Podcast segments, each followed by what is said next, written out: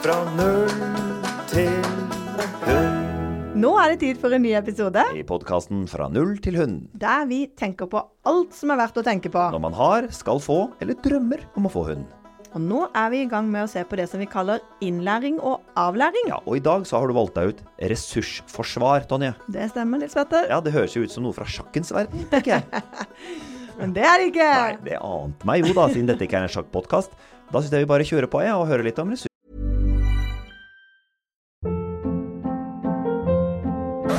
Hold up. What was that? Boring. No flavor. That was as bad as those leftovers you ate all week. Kiki Palmer here, and it's time to say hello to something fresh and guilt-free. Hello Fresh. Jazz up dinner with pecan-crusted chicken or garlic butter shrimp scampi. Now that's music to my mouth. Hello Fresh. Let's get this dinner party started. Discover all the delicious possibilities at hellofresh.com. ressursforsvar. Det gjør vi. Nils Petter. Mm. En uh, vordende hundeeier. Ja, Uh, jeg er jo vordende, da. Jeg gjør som hunden, tygger på det.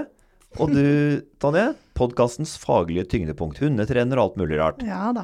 Du har ditt eget hundesenter, ikke sant? Det har jeg, vet du. Ja, ikke sant? Og du kan jo da forhåpentligvis svare på det jeg lurer på. Og det håper jeg, altså. Jeg prøver så godt jeg kan. Det er veldig, veldig bra. Mm. Men du, hvor For du har to hunder. Jeg har to hunder. Hvor gamle er de?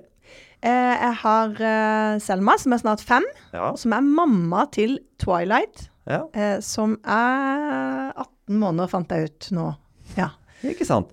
Så jeg, har du tenkt på hvor lenge du tror det er til du skal få deg en hund til? Ja. Eh, det morsomme var jo at eh, jeg hadde nå rett før jul, så hadde jeg knøttekurs med en Granda Grand Danois-valp. Mm. Jeg lover å si navnet hans, for jeg, vi, er, vi er litt sånn dus. Åval heter han. Eh, Hei, Oval. Eh, jeg er rett og slett forelska i han. Eh, og jeg tror hadde mammaen til Åval Hun kommer aldri til å gi han fra seg, men hadde hun sagt sånn Vet du hva, jeg kan ikke ha han, Tonje. Ja. Så hadde jeg sagt det er helt greit. Jeg har plass til eh, 60 kilo med, med sånn Grand Danois sammen med mine visler. Det går Ja. kjempebra. Ja, så du Få kunne skvise han inn i sofaen. Så egentlig kunne du tenke deg å få en hund til? Nei, jeg kan jo ikke det. Jeg, skal jeg har ikke tid. Jeg har ikke tid til det, faktisk. nei, det skjønner jeg. Men hvis, Hadde- du, hvis du hadde tatt bort alt som har med tid og fornuft å gjøre, no, når ville du fått en hund til, og hvor mange ville du hatt hvis du ikke hadde fysiske begrensninger i hjemmet ditt? Altså, vet du hva? Faktum er at jeg tror, jeg tror faktisk to Ja. er, er grensa mi, altså. Ja. Eh, men det er jo fordi jeg også har to tenåringer, og en katt, og Ja. en hønseflokk, og jobber eh, sikkert 12-14 timer om dagen. Ja. Så jeg, jeg tror ikke jeg har kapasitet. Nei, og da må man være litt sånn fornuftig Ja. eh, noen ganger. Ja. Mm, ja, men det låter bra. ja. Hva- men hvor- men han, man har jo lyst for det. Selv om man ikke skal. Men du, Ja. vi skal i gang med eh, en ny runde innlæring og avlæring. Ressursforsvar. La oss komme i gang. Yes. Fra null til hund. Tonje, Ja. Ressursforsvar. Hvilke ressurser? Hvilket forsvar, holdt jeg på å si. Hva er det du mener med ressurser? Hva slags forsvar? Ressurser er jo egentlig en sånn samlebetegnelse på ting som hunden eh, har lyst på og, og liker og vil ha, på en måte. Så en ressurs for en hund kan jo være en leke Mm. som den er glad i eller liker. Det kan Ja. være mat. Eh, det kan være liggeplass. Det er også Ja. faktisk en ressurs. Eh, Altså, så, så min første assosiasjon at dette har med sjakk å gjøre, det er ikke helt søkt, på en måte. For det er at man sitter på liksom eiendeler, liksom brikker i ens eget liv, hvis jeg kan Ja, si det på den måten. godt, ja, som man ønsker sånn ønsker å forsvare på en eller annen måte, da. Ja. Eh, og dette med forsvar er jo eh, Det har jo veldig det, det også er jo sånn Alt er veldig sånn sammensatt eh, Ja, når det ja, gjelder ja. Atferd, egentlig. For dette, det er liksom så lett å si sånn Ja, han forsvarer leken sin. Eh, da er han sånn og sånn, og så bare liksom fikser vi det. Men det er liksom ikke bare gjort i en fei. Så Nei. det er som vanlig et stort tema. Eh, men, men det Men er, det men er, er, det et, pro- er dette et problem? Ja, det er det, skjønner du. Hvorfor Og- det? Er ikke, bare- hvis en har leken sin, det gjør vel ikke noe? Nei, det gjør jo ikke noe så lenge han da ikke knurrer eller altså oh, ja. glefser eller prøver å bite noen som vil ta leken fra han, da. Ikke sant? Da blir det jo plutselig et problem. Når barna i familien blir bitt fordi at hunden vokter lekene sine.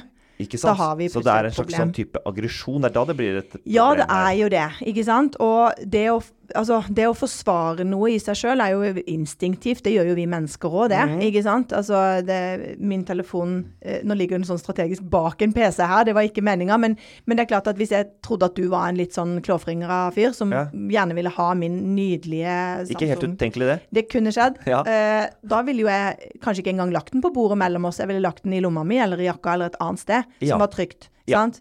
Du låser huset ditt når du går hjemmefra. Du, sant? Vi gjør jo det, vi og passer Ja. på ressursene våre. Og så har jo hundene også noen ressurser som de eh, setter høyt. F.eks. å ha et sted å legge seg ned og hvile hvor ingen kommer bort og piller på dem. Mhm. eh, ha maten sin i fred.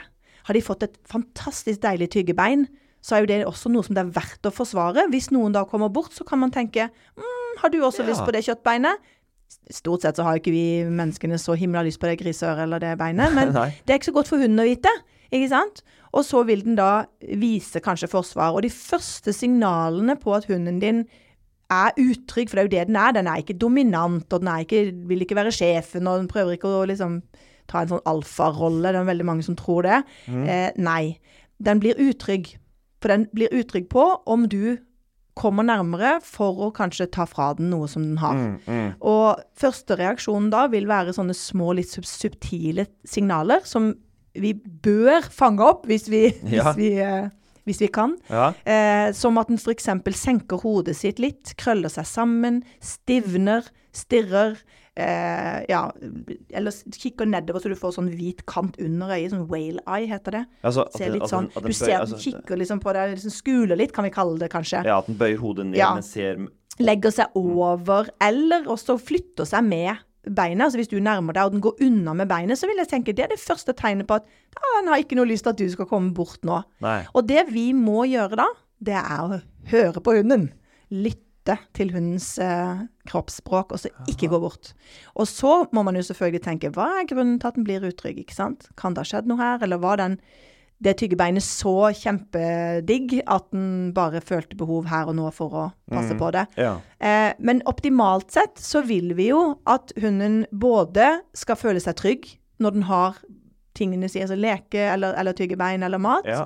Em, og så vil vi også gjerne ha muligheten til å kunne si slipp eller takk, og så få det de har, ikke sant? ja. Eh, for hvis de, la oss si at de har funnet en, en porsjonssnus, da, en valp som har tatt en porsjonssnus, eller mm.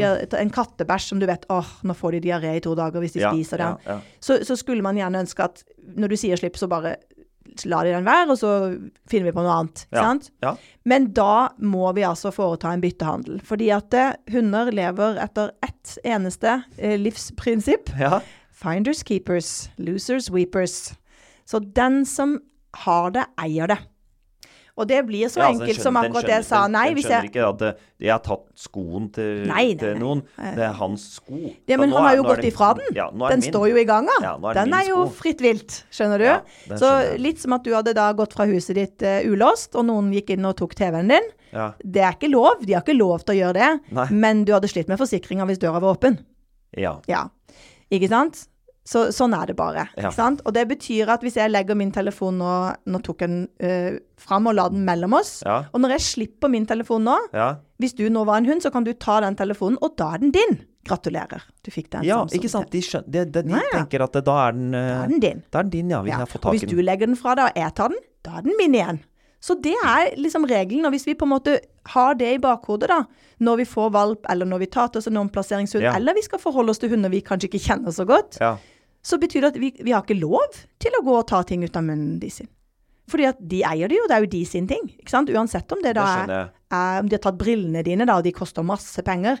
ikke sant? Ja. Så, så trikset her da er jo igjen ha en plan.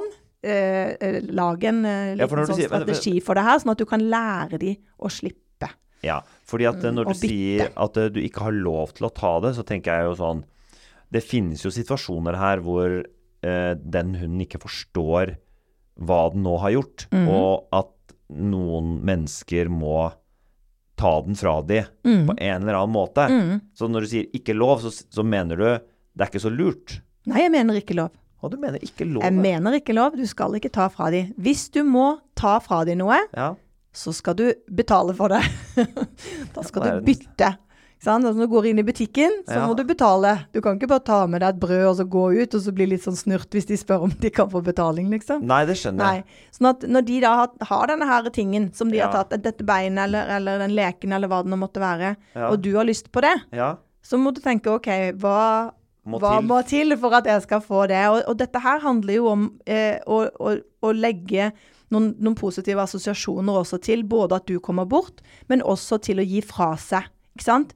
For hvis hunden lærer seg det at eh, hvis du kommer bort, så har du med deg en liten osteterning, du, eller Ja. et eller annet. Som, ikke sant? Mm. setter den på nesa til hunden og sier 'hei, har du lyst på denne?' Ja. Så slipper den kanskje den der eh, tauleken sin, da, eller til og med kanskje det beinet som den hadde.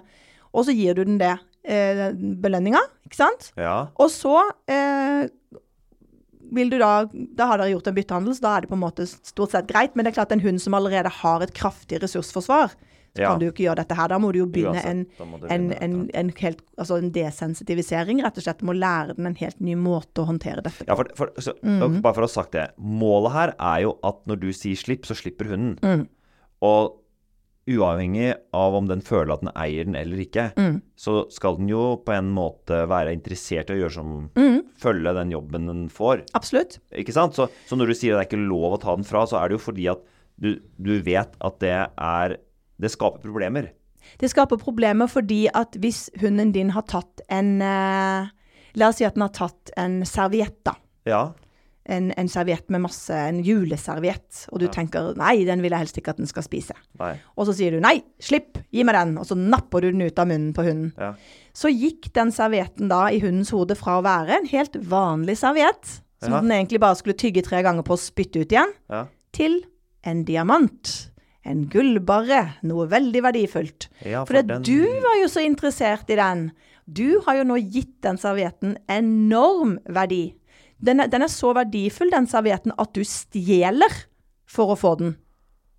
Ikke sant? Å, Og virker litt sånn sint og uggen i tillegg. Så det forsterker eh, ressursforsvaret? Det gjør det, for neste gang finner en serviett, så skal den i hvert fall ikke gi den fra seg. Da stikker den okay, av så, men den, eller- lærer. Så det vi, må, det vi må lære inn her, er jo å slippe den, Nemlig. den eh, Og så å legge på en positiv assosiasjon, det er liksom det første bud for meg. Det er liksom når jeg får en valp i hus, når valpen da eh, Nå får de ikke så veldig mye mat i skål hjemme hos meg, men la oss si at de hadde fått noe mat i skål. Ja. Så når, da, når de står og spiser, så går jeg faktisk bort mot de. Sjekker at kroppsspråket er avslappa. Hvis de blir stive, så tenker jeg oh, her må jeg faktisk gå enda saktere fram. Mm. Men hvis de er avslappa når de står der, så sier jeg 'Å, så deilig spiser du maten din, du', da. Snakker litt sånn koselig til de. Og så slenger jeg oppi noe godt i skåla. Så for hver gang jeg da går forbi skåla, så tenker valpen sånn oh, hva skal jeg få nå? Nå kommer det et eller annet digg'. Ja. Så en kjempedeilig assosiasjon til at jeg kommer forbi, og andre. Gjester til og med får jeg til å kaste oppi litt sånn snacks. Eh, hvis de f.eks. tygger på et eh, kjempegodt bein, så kan jeg gå bort og si sånn 'Å, du er heldig som har bein, og Snakker igjen veldig hyggelig til de. Har med meg noe enda bedre. F.eks. ost. Det er mine hunder veldig, veldig glad i. Ta med en liten sånn eh, bit med gulost. Og så viser jeg den til hunden, setter den liksom mot nesa som bare 'Mm, ost, det liker jeg'. Så slipper den det beinet, spiser osten, og så gir jeg beinet tilbake igjen. Sånn at det at jeg kommer bort, det betyr ja, slipp, du skal få noe annet. Men Ja. så får du faktisk tilbake det du hadde. Så lærer jeg hunden at det å på en måte gjøre en sånn byttehandel, det er helt trygt. For stort sett så får du det tilbake igjen. Og den dagen jeg trenger det da, at de slipper. Eksempel ganske nylig så var vi i skogen, og så fant den ene av hundene mine da eh, et sånt råttent eh, elgbein eller et eller annet som også var litt sånn Det, var, det, var, det lukta vondt, Ja. og det var sånn eh, sti, var knekt, så det var sånn spist på kanten. Ja, ja. Det der kan ikke hundene mine få. Sånn er det bare. Og jeg ser at den ene løper etter den andre. ikke sant? Den har liksom noe i munnen. Og det jeg kan si da, er bare 'Selma, hva har du funnet?' sier jeg. Få se. Og når jeg sier det, så blir hun kjempestolt og kommer for å vise meg det. For det, stort sett så får hun jo masse ros da, ikke sant, når hun kommer inn med noe. Og så sier jeg takk, og så får jeg det beinet, og så tenker jeg nei, det kan hun ikke ha. Finner noen godbiter i lomma, kaster det ut og gir de et lite søk, og så bare la jeg det der beinet oppe på en grein i et tre, og bare gikk videre. Hun leita litt og var litt sånn 'hvorfor fikk jeg det ikke tilbake?' Men så var hun ferdig med det. Og hadde fått noe annet i stedet. Nettopp. Så du får liksom ikke avlært de behovet for å forsvare ressursene sine, men det du kan gjøre, Jo, er absolutt. ja, Du kan Ja. Fullstendig? Absolutt. Mine hunder forsvarer ingenting. Ingenting. Nei, Aldri opplevd at de har forsvart ressursene sine. akkurat. Så, det på Mm. Så du kan det. Men det er jo fordi de er så utrolig trygge på at ingen skal ta fra dem. Ingen skal stå som liggeplassen de sin. Når de ligger på, i senga si, så får ikke noen lov å gå bort og pille på dem. Så jeg setter de ikke i den situasjonen heller at de må forsvare. Ikke sant? Hvis jeg skjønner deg riktig. Hunden har et ressursforsvar av helt sånn biologiske årsaker. Den passer på det som er dens eget. Fordi den passer, ja, passer på ja. Mm. den, Det er sånn dyrene fungerer mot hverandre, på en måte. At jeg eier dette, dette er min mat, eller dette er noe annet som er viktig for meg. Så da forsvarer den det helt sånn instinktivt. Så vil Mm. den forsvare det den har. Og hvis den, jo mer den føler at det den har, er er under press, altså at eh, noen vil ha det, Mm. jo mer han føler at noen vil ha det, jo mer vil den passe på det. Det er liksom den første, den grunnleggende impulsen. Mm. Ja. Så mer du tenker sånn, jeg skal, at den tenker sånn å, når som helst kan tingene mine forsvinne fra meg, så vil den være enda mer oppmerksom på å prøve å passe på det. ikke sant? Og da kan det utvikle seg til å bli en atferd som kan være litt sånn ute av kontroll, da, antageligvis. Så det du sier er, eh, hvis du ikke må ta det fra hunden, ikke gjør det. Nei? Eh, og for å være sikker på at du har den muligheten, så må du liksom bygge en slags relasjon da, mellom deg og hunden, hvor den føler seg trygg på at mine ting, de, de får, får jeg lov til å ha. Og vi, når du da for det meste gjør det, så vil de gangene du da har behov for å si 'slipp', eller 'gi meg den', eller at den gir deg det, så er den litt mer sånn 'Å ja, hva skjedde? Hvor ble den av?' Vel, vel. Dette er jo åpenbart ikke det som pleier å skje, så det er ikke så farlig for meg. Ja, for jeg stoler 100 på deg, liksom. Det er Ja. ikke noe, det er ikke, du pleier aldri å ta fra meg noe, så hvis du tar det, så er det sikkert en grunn, nesten, tror jeg, tror jeg de tenker. Altså, det, er, sant? det går så veldig mye bedre. Og så er det det med å lære de da en takk eller slipp, er jo kjempeviktig også, bare sånn at det er sagt, da. Ja. Pluss, sist jeg skal si, jeg vet at, jeg må, at det blir for lengt jeg snakker i vei, vet du. Ja. Men, men det som er viktig å si her, er at det også se på årsak. Sant? Det ligger alltid en følelse bak denne atferden. Det ligger alltid en følelse bak. Ja. Så hvis hunden din er f.eks. veldig redd i en situasjon, så kan den forsvare noe. Hvis den føler seg veldig stressa på lekeplassen med en annen hund, så kan den begynne å forsvare en pinne, selv om den ikke har ressursforsvar. Eh, en hund som har smerter, kan også begynne å forsvare liggeplassen sin eller tingene sine. Ja. Så husk at det er det kan være både bakenforliggende årsaker ikke sant, som også påvirker. Så vi snakker jo litt sånn generelt nå, bare sånn at det er sagt. Ja. Nei, men jøssa meg. Stort tema, det òg. Stort tema, men helt prima. Vi skal sikkert komme inn litt på slipp og gi Ja, meg og alt det dette her. Ja, det kan vi ha som en egen, hvordan vi kan lære inn det. Ja. For det er veldig viktig. Ja, supert. Takk skal du ha. I'm Sandra, and I'm just the professional your small business was looking for. But you didn't hire me because you didn't use LinkedIn jobs. LinkedIn has professionals you can't find anywhere else, including those who aren't actively looking for a new job but might be open to the perfect role, like me. In a given month, over 70% of LinkedIn users don't visit other leading job sites. So if you're not looking on LinkedIn, you'll miss out on great candidates like Sandra. Start hiring professionals like a professional. Post your free job on linkedin.com/people today.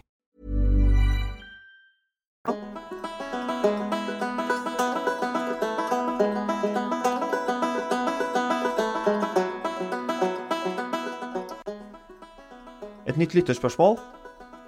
Hør her. Ja. Karianne fra Hønefoss har sendt følgende spørsmål. Mhm. Jeg syns det var litt artig, jeg. Hun skriver dette her. Hunden min er en fire år gammel schæfer, ja. og veldig omsorgsfull og snill. Men den er veldig glad i å hoppe opp på fanget og å ligge tett i sofaen. Mm. Så dette høres jo bra ut. ja. Nå er jeg gravid, og jeg lurer på om det kan være farlig når det er en baby i familien. Eventuelt om det er noe jeg kan gjøre for å forberede hunden min. Altså, Hvis jeg skjønner dette spørsmålet riktig, så må den være redd for at den hunden skal hoppe oppå babyen. da, eller at den ja, fordi den er så glad i å ligge på fanget, ja. ja, og Ja. på fanget og ligge tett opptil i Ja. sofaen, står det her. Er det noe man kan gjøre for å få Det er jo to ting antageligvis her da, som vi kan snakke om. Det ene er jo dette helt spesifikke med om det er farlig for babyer. Ja, Og det andre er om det er noe man kan forberede hunden sin på sånn generelt når det kommer en baby. ja absolutt. Det også er jo egentlig et fint tema for en hel episode. Ja, det er jo det. Så mye For jeg, man kan snakke om intuitivt så så tenker jo jeg at ja, det høres jo litt farlig ut. Ja. Fordi dette er sånn jeg har hørt om med katter. Mhm. Så har jeg hørt det at man skal være forsiktig med å ha katter i samme rom som babyer som sover, fordi katter kan legge seg oppå ansiktet til babyer. ja. Men jeg har aldri hørt at det har skjedd, men jeg, Nei, jeg har, heller, men jeg vet at det er ja, veldig mange det, som, Dette har jeg eh, blitt ja. fortalt, og jeg har Mhm. hatt en del katter. Ja. Så dette har jeg passa på. Men, men er det en sjanse for at denne schæferen, en fire år gammel schæfer, er kan jo være en ganske romslig, ganske stor, ja. romslig hund, det? ja, absolutt. Er det, er det farlig? Em, jeg tror sånn i, i første omgang så tror jeg ikke Og i hvert fall ikke en voksen hund. En unghund ville jeg kanskje vært mer bekymra for på en måte. Og ikke Ja. nødvendigvis for at den har lagt seg oppå, kanskje, men at den kunne vært litt uvøren med, med, hvis du legger ungen fra deg på gulvet, liksom. At den kanskje kunne Ja. tråkka på den, eller i, i litt sånn iveren, sant. Men, men en voksen hund som liker å ligge på fanget eller inntil mor og far, eh, vil jeg ikke se for meg hvorfor skulle jeg ha noe behov for å legge seg oppå en baby. Altså, For det er to helt forskjellige ting. Ja, ikke sant? Så dette, Så- hundene forstår forskjellen her. Det- Absolutt. Ja, de de aller, aller fleste hunder skjønner kjempegodt forskjellen. Og det som også er litt uh, nydelig her, er jo hvor, det, hvor fantastisk den nesa til hundene er. For de lukter jo omtrent at vi er gravide, tror jeg, før vi vet det sjøl. Altså. For vi endrer jo endrer lukt ganske fort når vi, når vi blir gravide. Ja. Eh, veldig mange sier jo at når de er gravide, og det kan jeg jo bekrefte sjøl, for jeg har hatt hund når jeg har vært gravid, Ja. eh, begge gangene faktisk, veldig opptatt av magen. Ja. Liker å ligge inntil magen. Mhm. eh, og jeg har sånn tenkt at ja, de skjønner sikkert at det er der inne det skjer. um, og når babyene da har blitt født, så, så er min erfaring i hvert fall at, eh, at de på en måte ikke var så overraska, hvis du skjønner. Akkurat som de liksom Å ja, der var du. Altså, skjønner du hva jeg mener? Ja, jeg skjønner hva du mener. Eh, men det vi også gjorde, da, i, sånn i forhold til dette med å forberede, Ja. det var jo at når eh, far da var hjemme, ikke sant, imellom, og, og, og jeg var på sykehuset, så, så tok han med seg da, ikke sant, et lite sånn pledd som lukta babyen. Tok med seg litt ting som, som da hadde den babylukta på seg fra før. Og når de da, vi kom hjem, så fikk de lov å, å snuse. Og det jeg alltid gjør, bare sånn intuitivt, det er jo å la de snuse på føttene. For hvis, hvis, hvis noe skulle skje, så vil jeg helst ikke at det skal skje med, med hode og ansikt. Ja. Men i, i, i mine tilfeller så har jo disse hundene da syntes dette har vært kjempestas. Og, og snusa på disse føttene og sleika litt på de og sånn. Ja. Og etter det så har egentlig barn og hund vært sammen som to spann. Ja, for Ja. Det, det, de skjønner kanskje at det er eh, en Skjønner liten valp? ja, det er en liten valp. Og veldig mange, og schæfere særlig, som er så følsomme. Eh, og veldig sånn empatiske, vil jeg nesten kalle de. Ja. Eh, er jo kjent for å være ganske gode eh, med barn, rett og slett. Nettopp, ja. Forsiktige, og, så, og, og man kan jo også Og man vise tenker noe på det som en sånn streng altså- politihund. Ja, og de er jo, de er jo en vokterrase, så de Ja. kan jo tidvis vokte, vokte rett og slett babyen i familien litt. Så det kan være lurt å bare dempe det litt ned, da. Mm. Eh, og da tenker jeg sånn i første omgang at du ikke du liksom legger, legger hunden i, i dekket og blir foran vogna, sånn at liksom Nå skal du passe på vogna. Ikke sant? Ja, så du tror at det er jobben, ja. ja. Men utover det, så, så som sagt, så er min erfaring i hvert fall med sjefer at de er Ja. veldig, veldig gode med barn. Også. Men at det finnes en liten sånn forberedelsesøkt her med å tilvenne litt lukt, ja. Ja, til lukta, til bare liksom dette er det som skal skje. Og så tenker jeg også, det kan jo være lurt å tenke på hvis du har, la oss si at denne sjeferen også sover i senga da, og så skal du plutselig ha en liten baby oppi. Det. Ja. kan jo være litt dumt, fordi at når man ligger og sover, det er jo sånn med oss mennesker også det, så strekker man seg, og så snur man seg, og det gjør hunder også, de kan så sparke en del når de sover. Ja. Så å ha en baby og en stor hund i senga kanskje ikke er sånn superidé.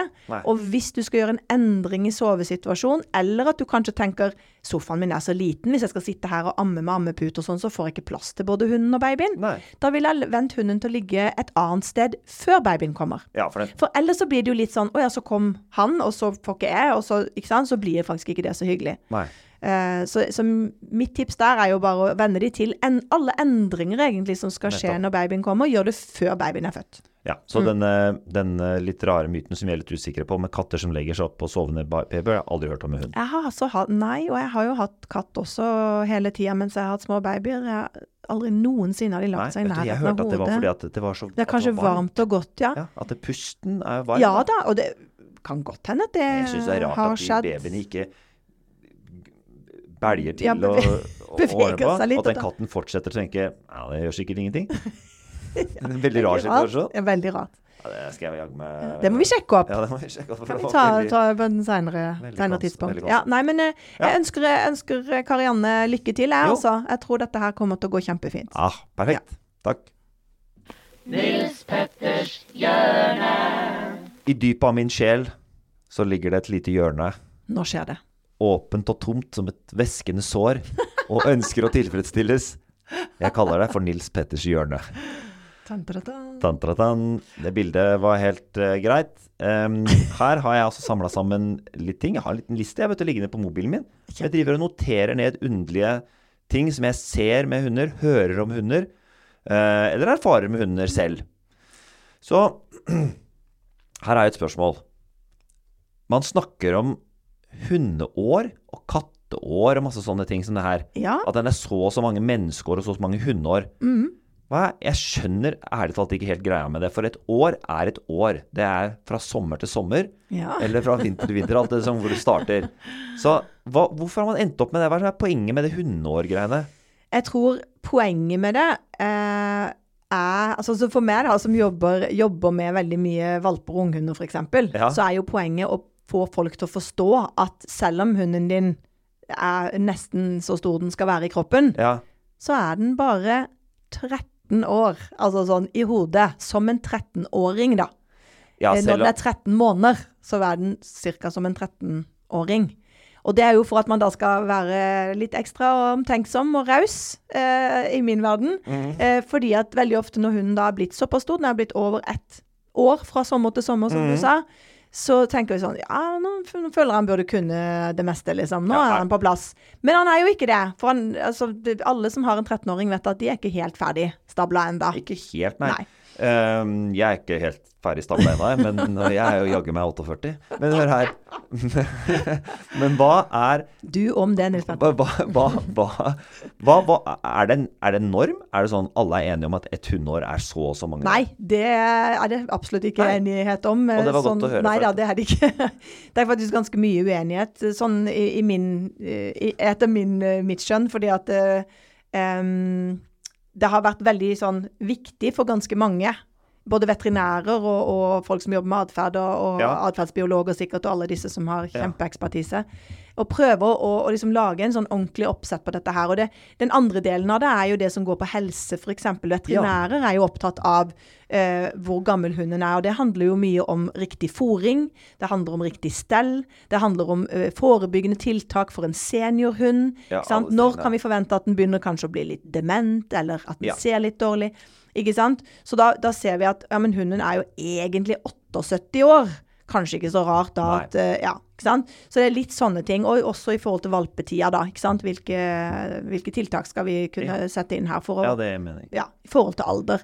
Så jeg tror nok det er, er, er mye av årsaken til at man er opptatt av det. Så syns man sikkert det er veldig veldig gøy å forske på det. Eh, men det vi, det, det vi ser, da, og det, det det i hvert fall er en enighet om, er jo at det er ganske store raseforskjeller, som vi har snakka om Å ja, det tidligere. det også, ja. Fordi at, eh, og dette også vet jeg vi, vi var innom eh, på en tidligere episode, fordi at det, det har med eh, rett og slett størrelsen på hunden å gjøre. Fordi at disse store rasene, ja. de blir mye seinere voksne. Kan tre-fire år før de regnes som voksne og liksom faller faller ja. på plass. Så der er hundeårene litt Der Ja, er kvosienten litt annerledes. ikke sant. Ja. Ja, altså disse grandanoane, disse store rasene. Ja. Og, og Ridgeback også, ganske seint utvikla, rett og slett. Jeg har to av de, så det vet jeg. Um, og så uh, blir de også tidligere seniorer. Regna som seniorhund, da. Hvor de skal kanskje ha litt seniorfôr, litt mindre fett og litt mer eh, glukosaminer og, og ja. Eh, smøring av ledda, på en måte. Og det, det kan jo være da kanskje allerede fra en, en la oss si mellom syv og åtte år, da, på noen av de, kanskje seks til og med på de aller største rasene. Mens da en liten hund, eh, en liten rase, Ja. vil kanskje være tek så, teknisk sett voksen halvannen til to år. Så vil den være på plass langt Så er det en 40-åring i menneskeår, på en måte? Ja, altså, nei, da er han liksom 30, 25? altså, 20, da. Ja, Ish. ok. Ikke sant? Og så er han jo ikke senior før han er kanskje ni. Så alle de er skjønner. voksenåra er ganske mye lengre. Det er klart det har, har ganske mye å si da, i forhold til eh, Særlig i forhold til dette her med, med fòring eller med, med sånne hensyn som skal tas, da. Eh, ja. Ja, nei, Så, altså, så det er jo, det jeg tror det er mye det, altså. Men kattene Ja. blir jo det samme, ikke sant. For det, det er klart at og det å vite sånn cirka Jeg har jo en katt nå på ti år. ja. Greit å vite sånn cirka hvor gammel han egentlig er, for at han er jo ikke som en tiåring. Eh, det er han ikke. Det er Jeg merker jo at han begynner å bli litt seigere i sessen og Ja.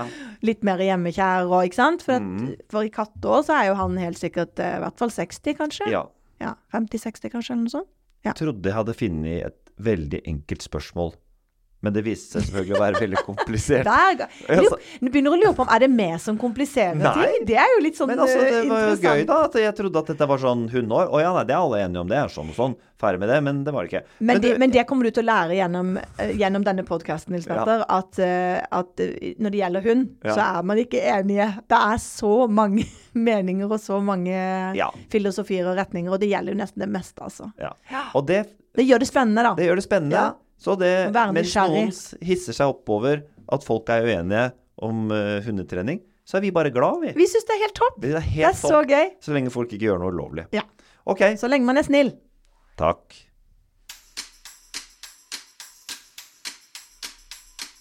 Slutten på visa. Denne vesle visa som har vært denne episoden, da, vel å merke. Mm. Da skal vi i gang med enda en ny innlæring og avlæring neste uke. Det skal vi. Gleder jeg meg til. Og øhm, jeg øh, hadde ikke tenkt å liksom dvele så veldig med at vi skal ha en, en ny innlæring neste uke. Men jeg spurte deg jo i stad om når du skulle få deg en ny hund, Ja. og om du hadde tenkt på det. Um, og så hadde jeg et spørsmål til. Okay. Og det var hvor mange hunder rekker man egentlig å ha i løpet av et liv? Hvis man sånn gjennomsnitt Det er gjennomsnittlig tror det. kjempemorsomt, fordi at eh, Og det er, snart, det er så morsomt at du spør om, fordi at akkurat i går så hadde jeg teorikveld Ja. for uh, de nye valpegruppene mine. Ja.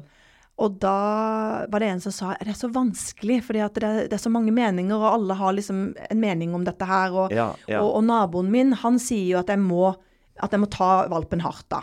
Og han sier, for han har hatt hund i 30 år, sier naboen. Ja. Og så så jeg på han og sa, ja, men hvor mange hunder har han hatt? Nei, det visste jo ikke jeg, ikke sant? Nei. Faktum er jo at han kan ha hatt to hunder, han, på 30 år. ja, ikke sant. Så utvalget er egentlig ganske lite. Så da blir det sånn, ja, jeg har hatt hund i 30 år, men hvis du har hatt to hunder, Ja. så, så vet du sikkert veldig mye om de to hundene. Ja. Men, men det er ikke sikkert at du skal gå rundt og gi masse råd om valpetrening for det. Ikke sant? Så det, så det er jo liksom litt av greia her, da. Eh, at eh, på 30 år så kan du jo teknisk sett ha hatt to hunder. Du kan Ja. også ha rukket å ha sikkert åtte hvis de dør tidlig, eller du omplasserer Hva- eller hva hvordan, Ja. ser, hvordan ser din bane ut? Hvor mange hunder tror du du kommer til å ha hatt da? Jeg vet ikke, nå har jeg jo hatt seks, da. Uh, til nå. Uh, nå jeg flytta ikke- hjemmefra, og så hadde jeg jo to mens jeg vokste opp òg. Ja. Mm. Og nå er det ikke så lenge igjen for oss. Nei, nå har vi ikke Nå går det, Så det går det bare veien. en eller to. Ja. Ja, nei, men ikke sant, så Du kan jo komme opp i nesten det dobbelte, da. Ti, Ja, kanskje. ja, det tror jeg nok i hvert fall. I hvert fall. Du, hvis jeg fortsetter å ha to samtidig hele tida, ja, det er riktig. Og siden når de to barna dine flytter ut, så skal du jo plutselig må jeg du jo ha- erstatte de, så blir det fire. Ja, det blir det. det. takk for i dag. Takk for i dag. Fra null til høy.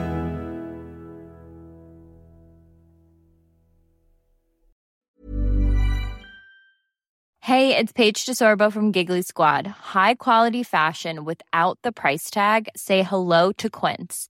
I'm snagging high-end essentials like cozy cashmere sweaters, sleek leather jackets, fine jewelry, and so much more. With Quince being 50 to 80% less than similar brands. And they partner with factories that prioritize safe, ethical, and responsible manufacturing. I love that. Luxury quality within reach. Go to quince.com slash style to get free shipping and 365 day returns on your next order. Quince.com slash style.